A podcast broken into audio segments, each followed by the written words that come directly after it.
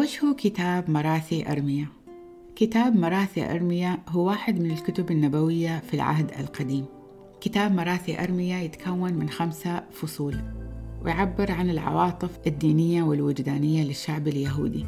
كتاب مراثي أرميا ينسب إلى النبي أرميا ومحتواه شكاوي ومراثي يعبر فيها عن الحزن والألم اللي شعر فيه النبي بسبب تدمير مدينة أورشليم وهدم الهيكل القديم.